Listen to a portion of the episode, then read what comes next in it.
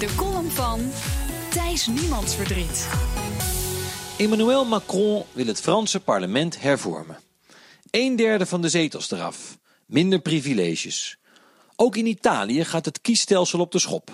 Minder macht voor de Senaat. Bonuszetels voor de winnende partij. En in Nederland? Hier onderzoekt een staatscommissie de houdbaarheid van het democratische stelsel. De baas van die commissie is VVD-corrivé Johan Remkes. Een man die we nog nooit hebben betrapt op één diepe gedachte over de Nederlandse democratie. Zijn rapport verdwijnt straks in een diepe, diepe la, naast alle andere welgemeende adviezen over het bestel. Nederland en staatkundige vernieuwing. Diepe zucht. Al decennia zeggen politici en opiniemakers dat het stelsel op de schop moet. Al decennia gebeurt er niets. Op dit moment is de kans op bestuurlijke vernieuwing zelfs kleiner dan ooit. Districtenstelsel gaat er niet komen. Een kiesdrempel om het aantal partijen in de Tweede Kamer terug te brengen? Nope. Het bindend referendum? Dat is dood sinds Brexit en Oekraïne. Zelfs D66 heeft er geen zin meer in. Ja, de gekozen burgemeester. Die gaat er waarschijnlijk komen. Met 15 jaar vertraging is daar inmiddels een solide meerderheid voor in beide kamers. Maar ook dat gaat nog jaren duren.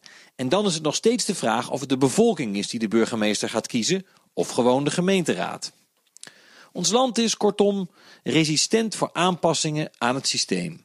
Maar is dat eigenlijk erg? Politicoloog Tom van der Meer vindt van niet. Ondanks alle gemopper en gesomber functioneert de Nederlandse democratie eigenlijk best goed, zo schrijft hij. De kiezers zijn assertief en kritisch. Het vertrouwen in instituties relatief hoog. Het echte probleem zit volgens Van der Meer bij de politieke partijen. Die houden volgens hem krampachtig vast aan een verouderde bestuurscultuur. Willen we de democratie gezond houden, dan moeten zij hun gedrag aanpassen. Weg met de angst voor minderheidscoalities. Kom maar door met die stembusakkoorden en maak een eind aan al die politieke benoemingen. Ik neig ernaar Van de Meer gelijk te geven. Alleen, wat als die partijen hun gedrag niet aanpassen? Wat als ze blijven denken dat het 1987 is en niet 2017? En als gevolg daarvan het vertrouwen in de democratie echt verdwijnt? Van der Meer schreef zijn boek voor de verkiezingen in maart.